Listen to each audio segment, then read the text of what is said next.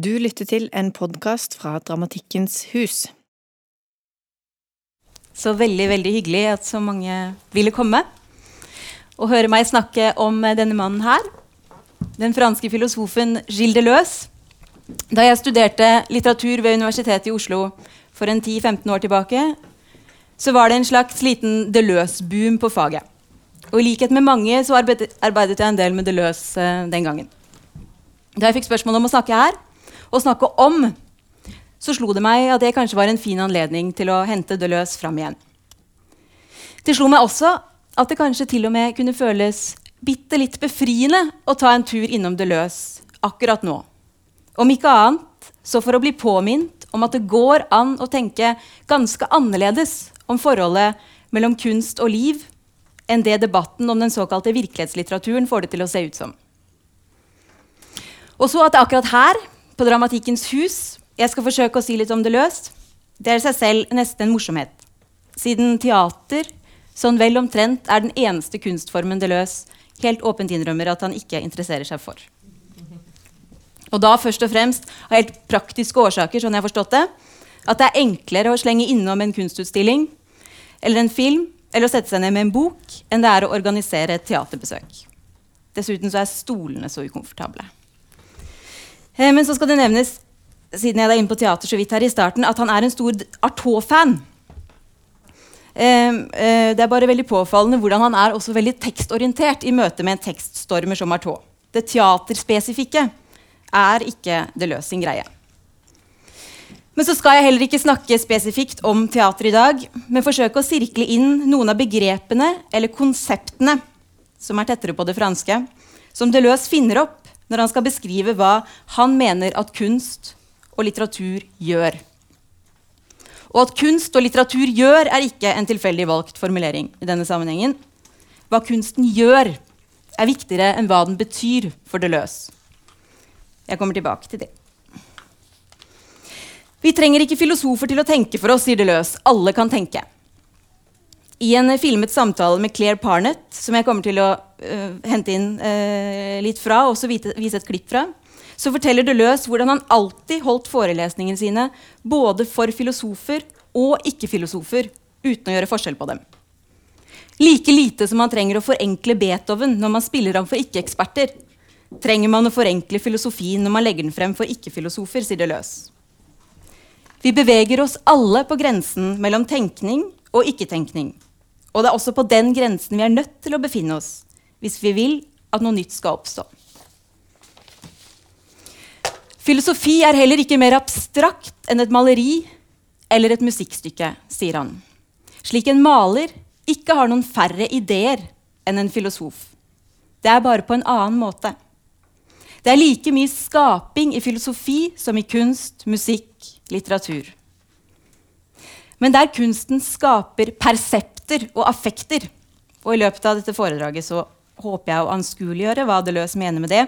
Så skaper filosofen konsepter. Dvs. Si bilder av tenkningen som utfordrer og omstyrter de bildene vi vanligvis tenker gjennom.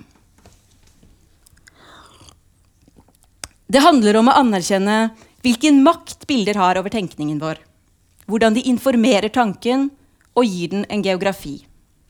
Og nettopp derfor, sier Deleuze, fordi de har denne makten, så er vi hele tiden nødt til å skape nye bilder.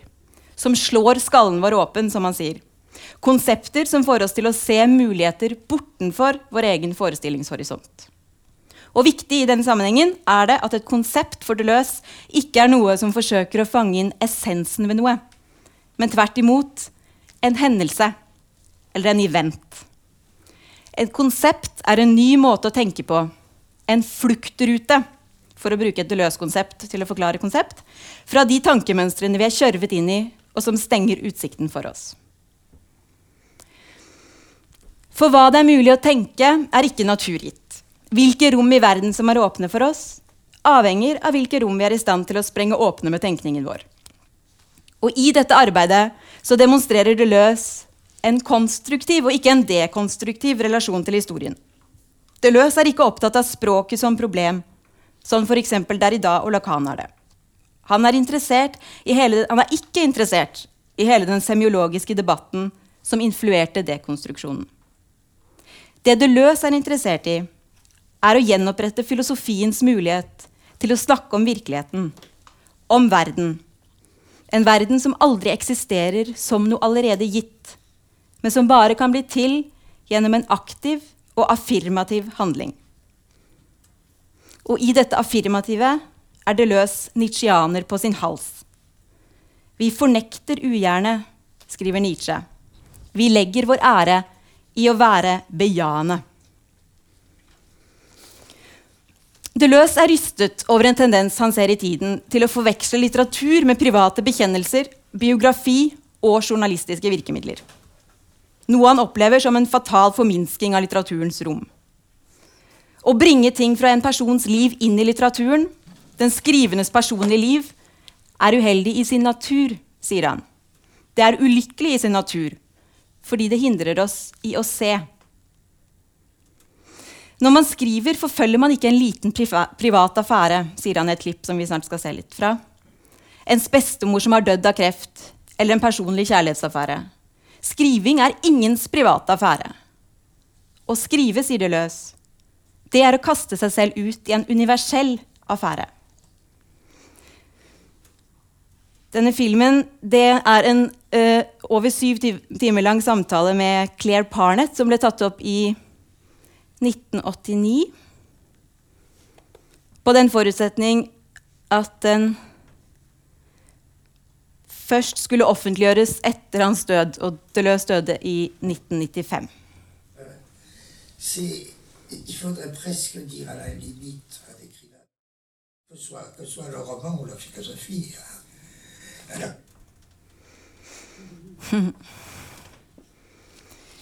Ja Et av konseptene som Deleuze finner opp, og som kan være med på å besvare nettopp hva det kan bety å kaste seg ut i en universell affære, er konseptet 'blivenbarn'. Erindringen har lite den skulle ha sagt i kunsten, skriver Deleuze i boka 'Hva er filosofi'? En av mange bøker han skrev i samarbeid med psykoanalytikeren Feli Gattari. Og bare helt kort om det. Selv om Deleuze skrev mange av sine mest sentrale verk sammen med Gattari, de fleste av de verkene jeg skal nevne her, så er det vanlig å liksom glemme ham litt og fokusere på Deleuze som filosof. Det er en litt ufin praksis som jeg dessverre kommer til å videreføre her i kveld. Men jeg skal i hvert fall nevne navnet hans de gangene jeg omtaler verk han har bidratt til. De sier det er sant at ethvert kunstverk er et monument men monumentet er ikke noe som feirer minnet om en fortid. Det er en blokk av nåtidige sansninger som ikke skylder andre enn seg selv sin egen bevaring. Monumentets handling er ikke erindringen, men fabuleringen. Man skriver ikke med barndomserindringer, men med barndomsblokker, som er nåtidens blivenbarn. For Deleuze og Guattari er det ikke mulig å trekke årsakslinjer fra f.eks. en roman og tilbake til personlige erfaringer og opplevelser. Hvilket ikke betyr at man ikke legger hele sjela si i skrivingen, sier Deleuze. Litteratur og skriving er grunnleggende knytta til livet. Men livet er noe mer enn det personlige. Å skrive handler ikke om å forvalte eller representere noe allerede eksisterende å skrive er å gjøre hva man vil, bare ikke etablere et arkiv, sier han. Deleuze har skrevet en hel bok om Prost. Og var det én som ikke var interessert i barndommen sin, sier Deleuze, så var det Prost. Jeg tror at det å skrive alltid betyr å bli noe, sier han. Å bli et barn. Å bli et dyr. Det er nettopp ikke lenger hans barndom eller noens barndom det er snakk om. Det er verdens barndom én verdens barndom. Litteraturens oppgave er å bli barn gjennom skriving. Skriving er bliven. Og denne betoningen av bliven, på engelsk er det 'becoming' og på fransk 'devenir', er bl.a. resultat av et oppgjør med den platonske representasjonstanken, der alt liv, all forskjell, alt virtuelt blivende reduseres til noe sekundært som bare eksisterer som uttrykk for en privær, primær, sann og uforanderlig væren. Men det er også et resultat av et oppgjør med psykoanalysen. Noe som blir veldig tydelig i boka 'Kafka for en mindre litteratur', som første gang ble utgitt i 1975. Deterritorialisering er her konseptet Deleuze og Gattari bruker til å beskrive sin egen lesende praksis. En praksis som jobber mot all form for makt som legger territorier under seg. Prosjektet deres er å frigjøre litteraturen fra institusjonell tenkning, og mer spesifikt å frigjøre Kafka det de kaller den totaliserende fortolkningen. Og den tradisjonelle psykoanalytiske fortolkningen har vært nettopp det, mener de. En fortolkningspraksis der absolutt alt i Kafkas bøker settes i forbindelse med problemer han skal ha hatt i barndommen. Ødipalisering kaller de en slik søken tilbake til mor-far-barn-trekanten. En vinkling som reduserer litteraturen til ren case. De kritiserer en sånn lesemåte for å fungere undertrykkende, samtidig som den utelukker det samfunnsmessige og politiske som en faktor i menneskets utvikling. Det som engster eller gleder Kafka, skriver de, er ikke faren, et overjeg eller en eller annen signifikant, men den amerikanske teknokratiske maskinen eller den russiske byråkratiske eller fascistiske maskinen. Kafkas litteratur er ikke en reise i det fortidige, men i vår fremtid. Så I opposisjon til den i hvert fall på den tiden, kanoniserte fortolkningen av Kafka som sørgmodig og fremmedgjort, viser det løs og Gattari en annen vei inn i bøkene hans. De leser 'Slottet' som en beretning om en mangfoldig verden, og K som en mann som utforsker mulighetene. På den måten trer Kafka frem som humorist Ingen har fått meg til å le så mye som Kafka og Beckett, sier Deleuze. Og selv om Kafka aldri fremlegger friheten som løsning, så demonstrerer han menneskets mulighet til hele tiden å skape. Heller bli bille, bli hund, bli ape, styrte hodekuls ut enn å bøye hodet og fortsette som byråkrat, vokter eller dommer og dømt. Den som skriver, er en seer, sier det løs i samtalen. Han er nettopp ikke en som bekrefter eller befester noe kjent, men en som er på utkikk.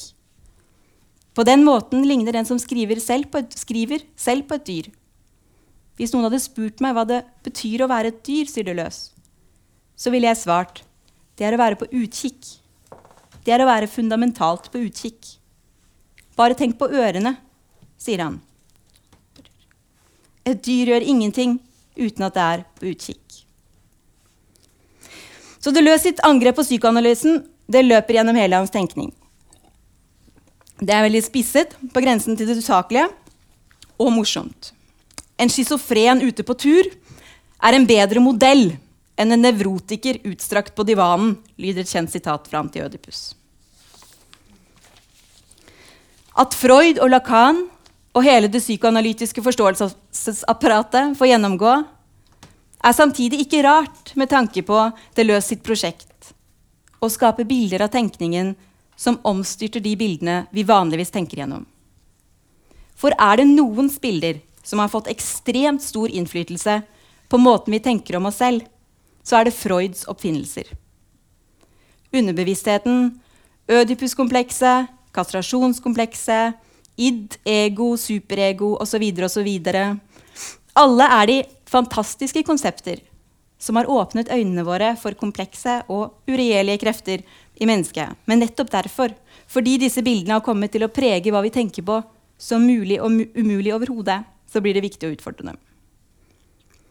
Dyret, eller blivendyret, som bilde på det som unnslipper kategoriene, som utgjør en fluktrute fra systemen og tvangen, får i den forbindelse enda en opprørsk funksjon i det løses tenkning. Blivendyret blir et pek mot psykoanalysen, som ifølge Deleuze ikke er i stand til å betrakte et eneste dyr uten å se det som et bilde på far. I intervjuet snakker Deleuze om Freuds berømte pasient lille Hans, som overværer den brutale piskingen av en hest som faller om ute på gaten. En opplevelse som har vært skjellsettende for den lille gutten, sier Deleuze, i all sin ubegripelige grusomhet. Og så kommer psykoanalytikeren trekkende med bilde av faren, også her. Det er jo en vits, sier det løs. Som om våre opplevelser i verden ikke er intense nok i seg selv. Som om alt må føres tilbake til barndommen for å få virkekraft. Som om alt må inngå i et system der én ting alltid står for noe annet. En slags uendelig serie av betydningslag som alltid har samme sluttpunkt mamma og pappa. Også begjæret vårt. Psykoanalytikere snakker om begjær akkurat som prester sier det løs, under dekke av den evinnelige jamringen om kastrasjonen. I 'Tusen platåer' så skriver de der psykoanalysen sier 'stopp, finn deg selv enda en gang', skulle vi heller si 'la oss gå enda lenger'. Vi har ikke funnet vår kropp uten organer ennå. Vi har ikke tilstrekkelig plukket fra hverandre vårt selv. I begynnelsen av Antiødepus tegner de opp en annen modell for selvet og en annen modell for begjæret. Når de skriver om Lenz sine vandringer i Georg Bichners sitt novellefragment. Og når de introduserer maskinen i dette universet. Lenz sine vandringer er passasjer som skiller seg fra de øyeblikkene der Lenz befinner seg hos sin pastor, skriver de. En som tvinger ham til å situere seg i forhold til religionens gud og i forhold til faren og moren. På vandringene, skriver de, er han derimot i fjellet, i snødrevet, med andre guder eller uten Gud i det hele tatt, uten familie, uten far eller mor, men med naturen. Hva vil min far, spør Lenz seg. Kan han gi meg mer? Umulig. La meg være i fred. Alt blir maskin, skriver det løse Gattari. Himmelske maskiner. Stjerner eller regnbuer på himmelen alpemaskiner, som alle kobler seg til hans legemes maskiner. Maskinenes uavbrutte larm. Så siterer de Bichner igjen.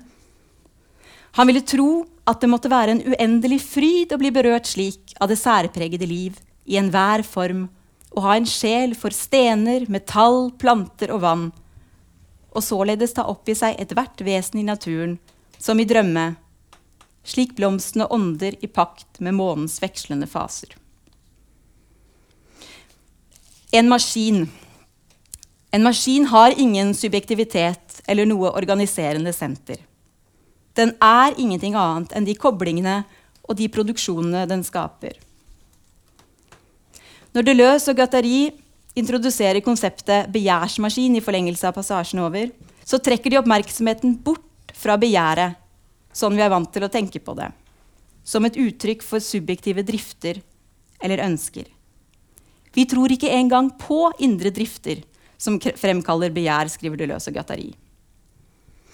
Begjæret uttrykker ikke noe eget for dem, men er tvert imot det som sikrer en konstant utveksling mellom forskjellige størrelser, og som gjør at de aldri stivner i en fast form. Begjæret danner uavlatelig maskiner i maskinen og konstituerer et nytt drivverk ved siden av det forutgående drivverket, og gjør det i det uendelige, skriver de i Kafka-boka. Tanken om begjær er med andre ord knytta til det produktive og uopphørlig produserende for Deleuze. Begjæret er verken en symbolsk eller en figurativ størrelse, verken form eller innhold, men består av deterritorialiserende linjer og koblinger som muliggjør bevegelse og variasjon. Og subjektet det lar seg ikke lenger skille fra maskinen som produserer det.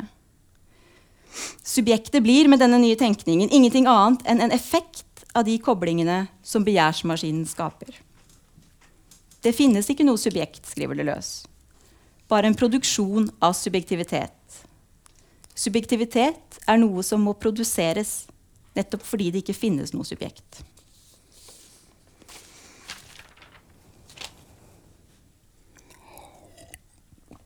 Ok, Det er store ting som står på spill her, ikke bare et oppgjør med Freud. Det handler om å tenke nytt rundt helt grunnleggende empiriske forhold. Som hvordan vi skal forstå relasjonen mellom det vi kaller oss selv, og det vi kaller verden overhodet.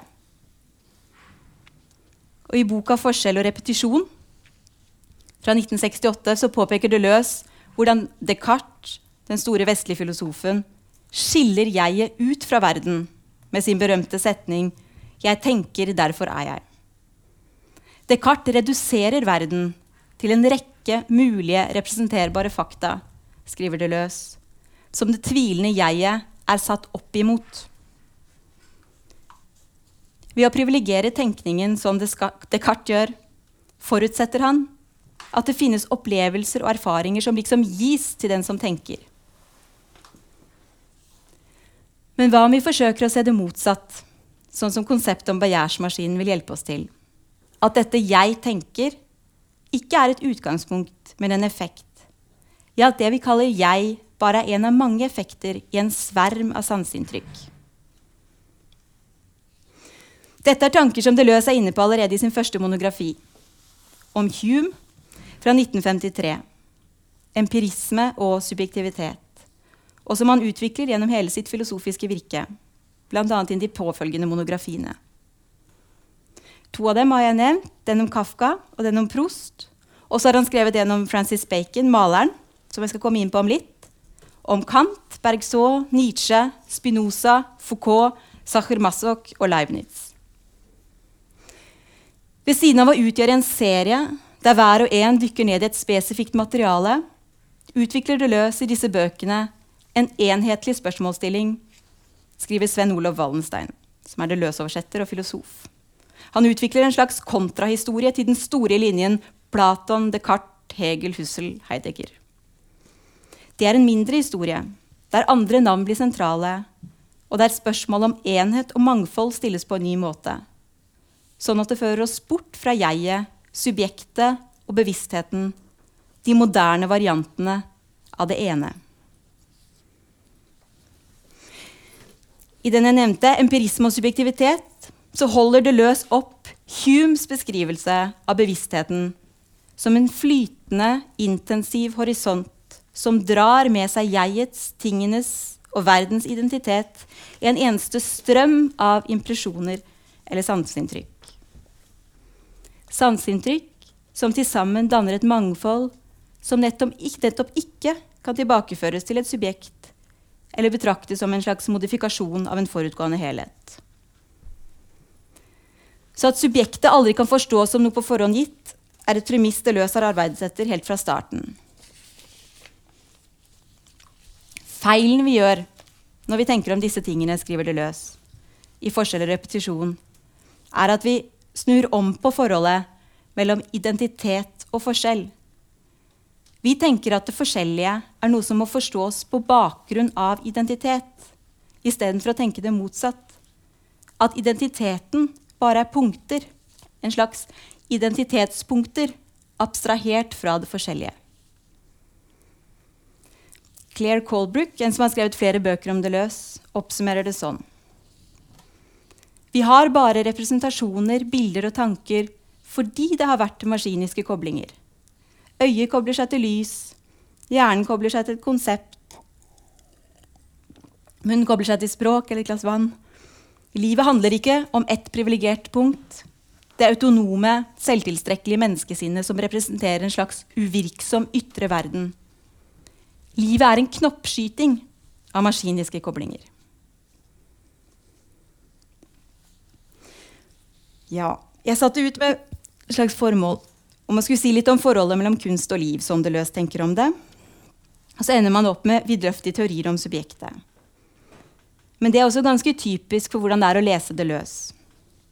Å tenke om kunst er alltid i samme bevegelse å tenke om alt mulig annet. Deleuze sine konsepter er konstruert på en sånn måte at det ikke lenger skal være mulig å tenke de i de dikotomiene som vi er så drillet til å dele verden inn i. Kunst versus liv, fiksjon versus virkelighet, subjekt versus verden, innside versus utside, innhold versus form. Språket, f.eks., det gir ikke form til erfaringene våre. Det produserer erfaringer. Også språket blir en maskin. Boka den er ikke et produkt i verden, den produserer verdener. Boka er en maskin. Kunsten den er ikke en blek kopi av livet, en mer eller mindre adekvat representasjon av virkelighet. Kunsten er en ustoppelig produksjon av virkelighet. Hver uke går det løs ut i byen for å se en film eller besøke en utstilling, forteller han i samtalefilmen. Han ser det som en investering i å være på utkikk. Han vektlegger møtet som finner sted. Ikke alltid, men hvis han er heldig. Folk tror alltid at det er med mennesker at møter finner sted, sier han. Men det er med ting. Jeg møter et bilde. Jeg møter et stykke musikk. Det er sånn jeg forstår et møte. Jeg går ut og lurer på om det kan være materiale for et møte i dag. I en film eller et bilde. Jeg er på utkikk. Jeg leter etter et bilde som kan bevege meg eller berøre meg.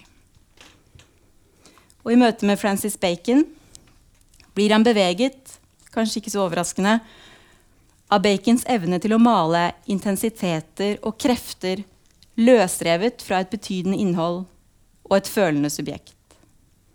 Eller, for å nærme meg de to konseptene som jeg nevnte innledningsvis, hvordan Bacon med maleriets virkemidler klarer å rive perseptene løs fra sansningen og affektene løs fra følelsene.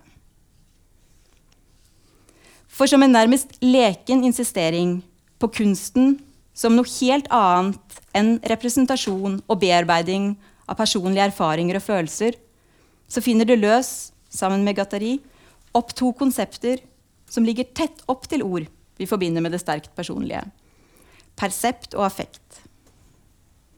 Men perseptet, som Deleuze og Gattari definerer det, er nettopp ikke sansefornemmelser, men noe som eksisterer uavhengig av tilstanden hos den som opplever dem. På samme måte har heller ikke affektene noe å gjøre med personlige følelser, men overgår styrken hos den som gjennomlever dem.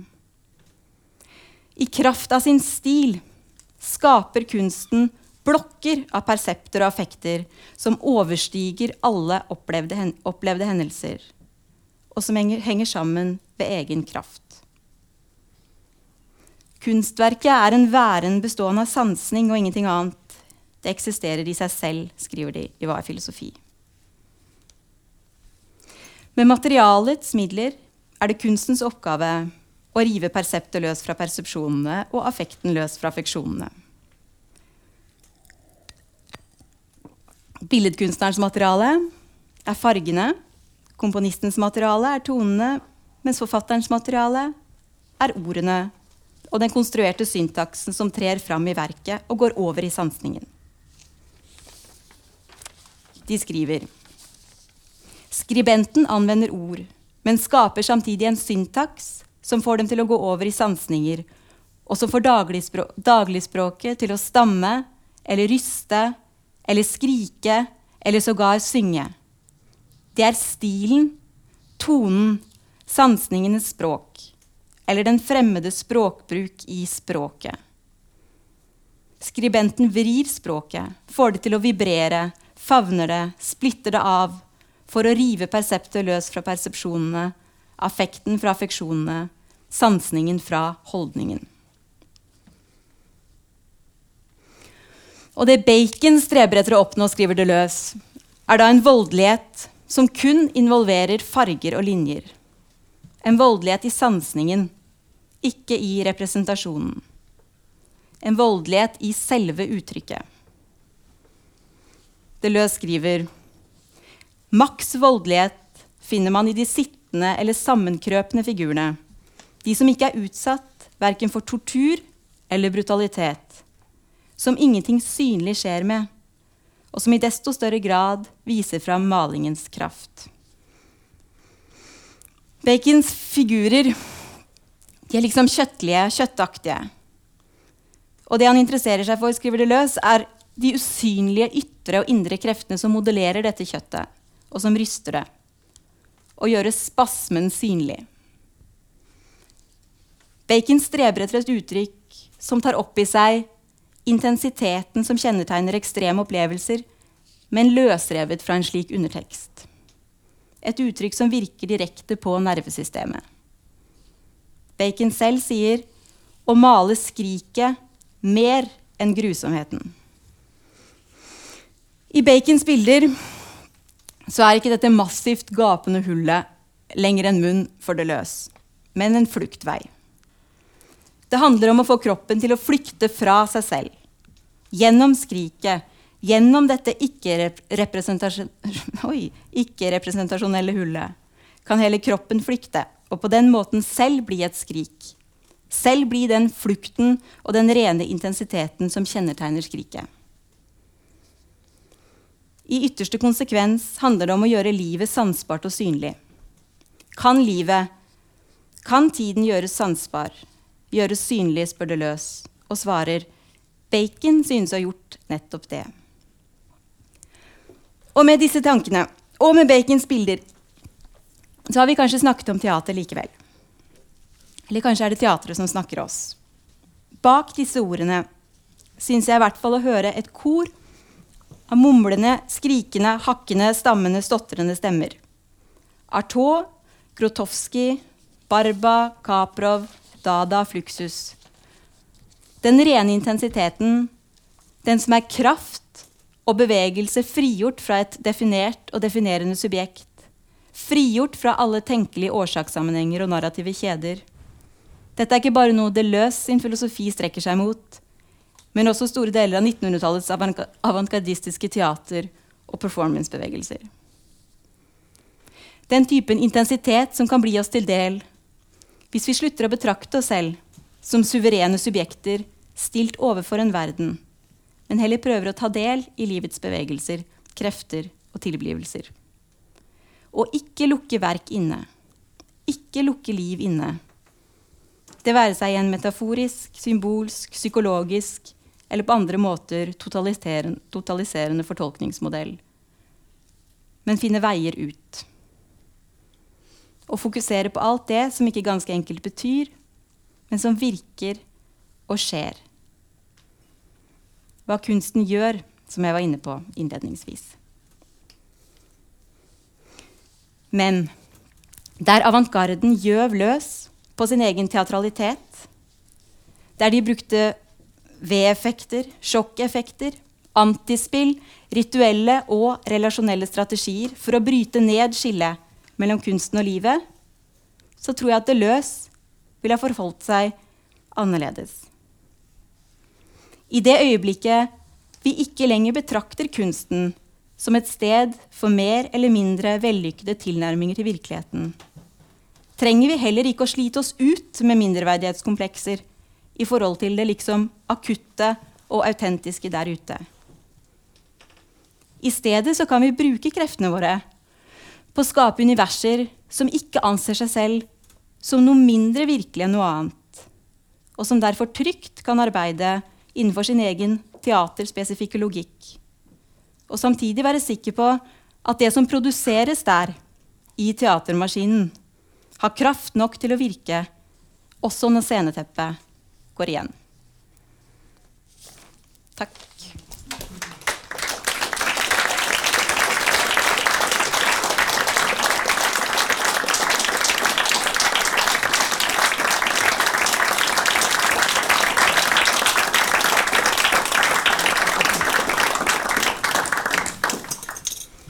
Da er det sånn at vi åpner litt for uh, samtale. Eller uh, hva skal vi si? Hvis noen har noen synspunkter Kanskje ikke spørsmål, Jo, noen kan spørre òg, men Ja. Eh, takk for, takk for eh, din eh, fint eh, foredrag. Um, jeg bare lurte på det du sa, egentlig, helt innledningsvis, om eh, eh, dette med Eller egentlig ordvalget. Hvorfor du unngår å bruke begrep på norsk. Det høres ut som en skikkelig sånn snever filologisk eh, pirkespørsmål, men jeg, jeg var bare litt interessert i det. Om du kunne eh, si noe om dette med fordi konsept, altså konsept og forholdet mellom altså på norsk da, mellom konsept og begrep. Hvorfor du, hvorfor du, for du, du bruker jo konsekvent konsept. Ja, jeg gjør det, og jeg sa det vel så vidt i starten at det konsept ligger tettere på det franske. Altså det er jo konsept på fransk, og på engelsk er det konsept.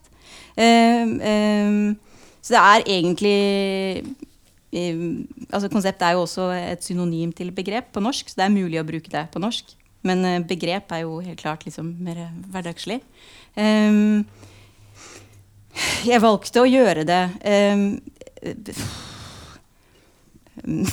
Mest for, å holde meg tettere på det franske. Også fordi jeg syns det var litt fint at det bare hadde en litt sånn At det sto litt ut på en litt annen måte enn begrep gjør. Siden mye av poenget her handler også om liksom, å snakke om hva filosofen gjør.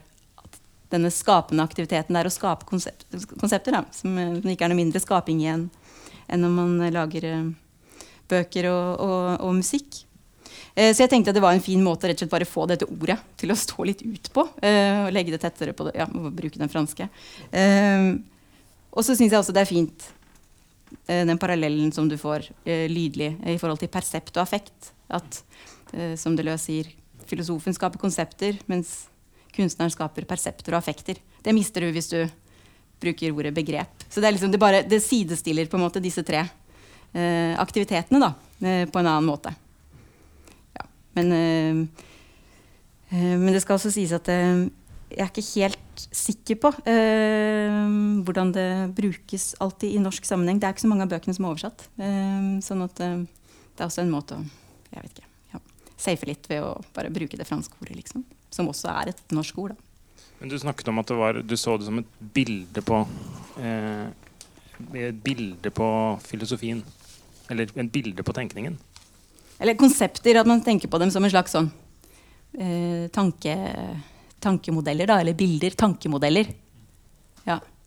Eh, at det er å skape nye, nye bilder for tanken. Hvis vi, ja, hvis vi tenker at et ødipuskompleks på en måte eh, skaper et slags bilde, gitt at det kobler seg til eh, det de gjør eh, i mytene osv. Så, så vi har liksom et slags ja, ja, kan man si det? Et slags tankebilde eh, som, som, et filosofisk begrep utgjør i hodene våre. Da, og at man må skape da, bilder som gjør det. Og, og da kobler han seg også til ofte veldig visuelle ting, sånn som maskin.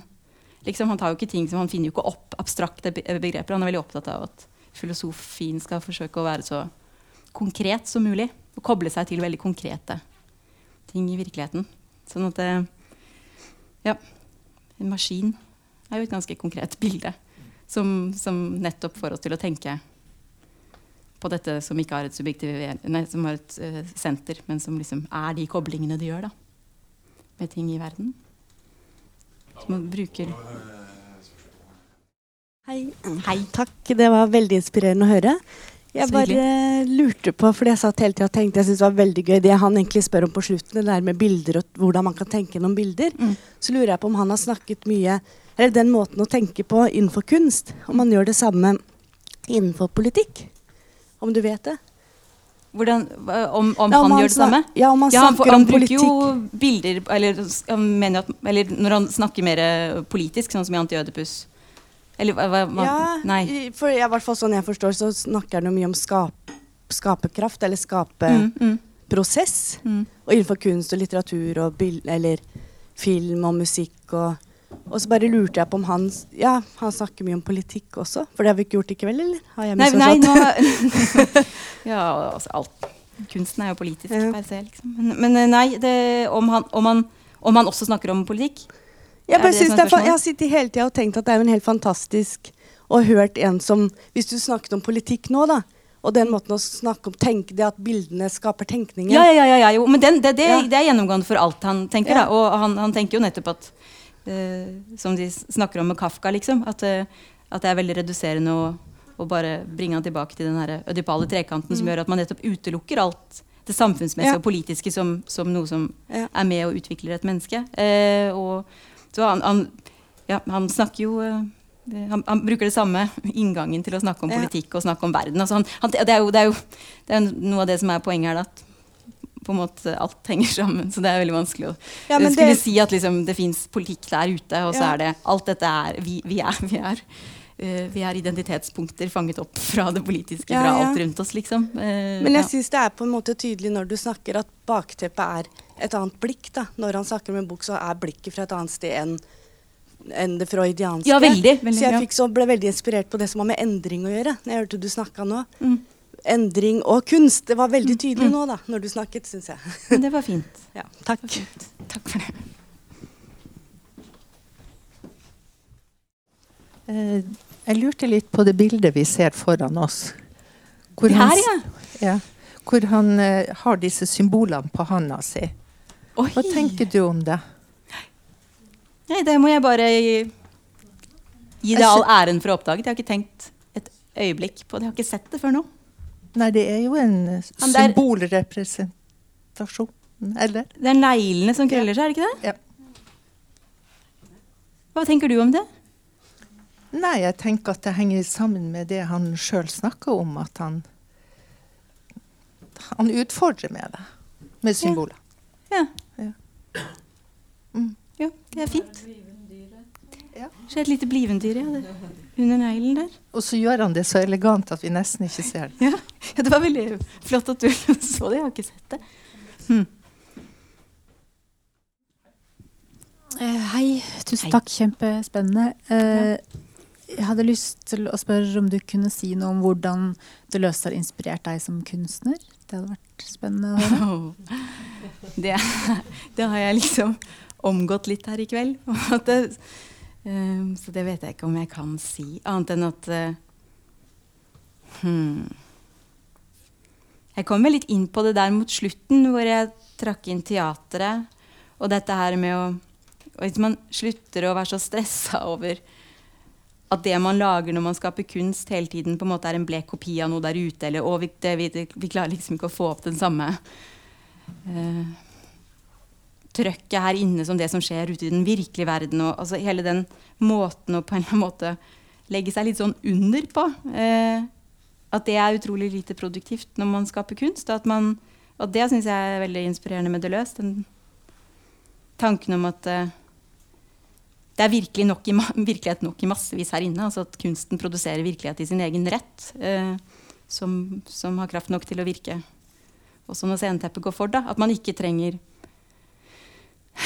å slite og seg ut med disse ja, med alle mulige sånne strategier for å prøve å liksom, trekke publikum inn og komme over til publikum og komme over til verden. Men bare liksom slår seg til ro med at det er verden alt sammen. Uh, og, og at jeg syns også det er veldig inspirerende den måten han tenker på som filosof, med å skape disse konseptene.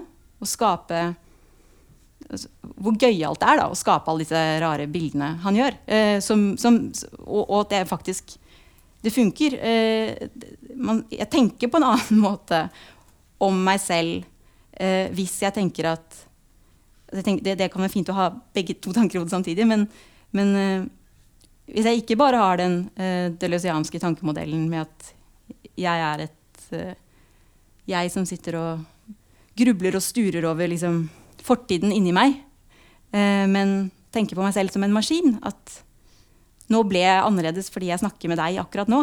Og når jeg snakker med Madalena etterpå, så kommer jeg til å være ny igjen. Og, eh, og hele tiden måtte tillate den tilblivelsen der, da. Eh, at eh, em, Ja, men det er jo inspirerende for livet, liksom. Men livet og kunsten, ja. Det er, det er litt et og det samme, det. Hei. Hei. Tusen takk for fint foredrag. Takk. Eh, Samuel er. Jeg har bare et, eh, et kort spørsmål. Når jeg tenker på det løs, så tenker jeg på eh, maskinistisk begjær som, som noe som hele tiden er flytende. Er, det, er det mulig å si at Deleuze skiller ut ideen eller konseptet om produkt eller form som noe som egentlig ikke eksisterer, men altså om begjær som kun skaper prosess, eller er eh, produkt en tilstand der materie f.eks. er allerede dødt, eller ferdig til den i den grad det er dødt og tilgjengelig eh, til å bli del av en ny prosess, som et lik f.eks. Altså, det, oh, yeah. det fungerer ikke lenger for seg selv, hva? men eh, som føde for mark. Bare for å ta et eksempel. ja, ja, ja. Jeg tror faktisk eh, For nå å snakke eh, Var spørsmålet mitt eget klart? Jeg, jeg, forfatterskap, så har jeg akkurat en liten Jeg tror jeg har det i en tekst om Mikkel Rev, som, som har den tanken, og som kanskje er litt sånn grunnleggende dølesiansk, at, eh, at man ikke skal trenge å sørge så mye når man mister noen, fordi det sørger bare for nytt liv, og så går rundt og rundt og rundt, og så går det videre. liksom. Eh, fordi marken og musa kan eh, fråtse på det. Men, eh, men å tenke sånn Nei, uff, det, det, du, Kan du stille liksom enda mer spesifikt hva du vil at jeg skal svare på? Sånn, altså, at materie Jeg vet ikke om det løs liksom går inn det, i blir, blir det løs kvitt produkt? Så, eller form? Som, som noe ferdig? Som noe ferdig, ja. Eh, ja, det er jo noe han jeg, jeg, jeg vet ikke om jeg, jeg, kan ikke svare, jeg, er ikke, jeg er ikke Deleuze-ekspert, jeg er en kunstner som er inspirert av en filosof. Så, så kan ikke, det kan jeg ikke svare på sånn, uh, egentlig. Men, uh, uh, men det er hans mål, i hvert fall, å liksom sørge for at ingenting noensinne stivner i en form. Eller, eller mer om det er en mål, så tenker jeg at kanskje at at det er, det er en sånn saksopplysning litt fra Deleuze også. At det er sånn verden er. Det er, det er, det, det er konstante tilblivelser. Og det er bare vi, med den dumme måten vi er lært opp til å tenke om oss selv, som tvilende overfor verden, eh, sturende, eh, som vi tenker for mye på 'hvem er jeg'? Eh, vi er for opptatt av å danne oss en identitet. Vi er for opptatt av å eh, iscenesette oss. Og vi er veldig opptatt av Har i hvert fall vært og fortsatt delvis opptatt av å ha en kjerne. At, at den måten å tenke på Det er det som er feiltagelsen, At verden er konstant. Den er, det er aldri noe fast form, liksom. Eh, så hvis vi kobler oss litt mer på verden, så kan vi slippe unna en del eh, sørgmodig ja, grubling. Eh, Ga, ga det litt mening? Ja, takk. Ja, takk for et uh, veldig flott uh, foredrag. Uh, jeg lurer på om det var bare et, eh, noe du kunne si litt mer om? Utdype litt? For du innledningsvis så eh, så snakket både du og så hørte vi Deleuze selv snakke om at det, det holdt ikke bare å ha en, hatt en liten opplevelse, en liten tragedie for å skrive litteratur. Det holder ikke med en død bestemor. Um, samtidig så er han en stor Prost-fan. Mm. Skrevet en hel bok om Prost. Mm. Um, som jo er en bok som i hvert fall har jeg tenkt er svært opptatt av uh, nettopp liksom, personlige tildragelser, og ikke minst svært opptatt av hvem, hvem er jeg, da. Så jeg Mm, lurer på om du bare kan si litt mer om hvordan han får disse to tingene til å stemme. Ja. Det, er, det, det er litt sånn typisk for Deleuze. Da, at han, for man kunne se for seg at han kunne gjort det lettere for seg selv ved å koble seg på f.eks. sånn avantgardistisk kunst eller eh, eh, ja, eh, musikkformer som er eh, ja, per er liksom mer subjektoppløsende og sånn. Eh, mer moderne uttrykk. Eh, men han går nettopp liksom tilbake til eh, ganske kanoniserte forfattere. Han er ganske sånn på en måte litt konservativ i lesningen sin. Eh, og det sier han selv kommer av at han, rett, altså at han rett og slett ikke har kompetansen og heller ikke tiden til å sette seg nok inn i eh, samtidas verk da, til å føle at han er på høyde med ja, kritikere og sånn. Eller han synes også det, jeg tror ikke han tror at kritikere klarer heller å vurdere hva som er ordentlig bra. Så han da, det er mer interessant å gå inn eh, f.eks. i Kafka og Prost og gjøre sånne radikale nylesninger av dem. Da. Og når det gjelder Prost, så, så nevnte jeg jo det at eh, eh, at han eh, er noen som ikke er opptatt av barndommen sin, mener det løs, så er det jo Prost. Og det høres jo liksom bare ut som en provokasjon, men, men det er dette som jeg sa, da. At han tenker at det å skrive alltid betyr å bli noe annet. At man blir et barn gjennom skrivingen. At det nettopp ikke er at man bruker sine egne eh, minner og erfaringer eh, så mye som det handler om å ja, ska, skape noe helt radikalt nytt da, med fabuleringen og fantasien i nåtiden. Så det han kaller for sånne blokker av eh, persepter og affekter, eller blivenbarn, eh, disse begrepene. Sånn at han Han påstår jo rett og slett at Prost eh, ikke er opptatt av eh, barndommen som i liksom, å gå og grave i minnet, men at han skaper en barndom, en verdens universets barndom, da, gjennom skrivingen. Men, men selve Prost-boka den, jo, den har jeg valgt å ikke gå inn på, for den, den er så Man må gå så mange vendinger for å Det er veldig komplekst, for det bygger, opp, bygger rundt Leibniz sin tanke om monaden og sånn. Eh, hvordan han kommer fram til at forfatteren selv altså Han tror ikke på en forfatter heller. Han tenker at forfatteren er jo sånn som subjektet, bare en effekt av det som strømmer gjennom et verk. Da, av alle de perspektiver, alt det som, som, et, et, verk utfolder. Så blir forfatteren så å si en slags effekt. Og det tenker han også at stilen i et verk er. Han, liksom, han, han, holder på med sånn radikal omsnuing av, av, hva vi, vanligvis tenker på som litt sånn commonsensisk. Sånn som eh, en stor filosof Eller jeg vet ikke om han har filosof egentlig, Buffon, som har dette veldig kjente eh, utsagnet at stilen er menneske. Og da sier det løst typisk at stilen er ikke menneske. Stilen er det motsatte av et menneske. Det, er, det, har ingenting med et menneske å gjøre. Stilen er nettopp noe som et verk utfolder. Og som liksom, på slutten så kan man se gjennom, all, gjennom alle disse svært heterogene forskjellige delene, så er det en slags stil der. Men den kommer som en slags sånn effekt til slutt. På samme måte som vi kan se for seg at verden er full av sanseinntrykk, eh, og at vår subjektfølelse da, er en slags effekt av alle de sanseinntrykkene som strømmer. Så det er en sånn parallell tanke da, om hvordan han tenker stil, forfatter som effekt, subjekt i verden som effekt.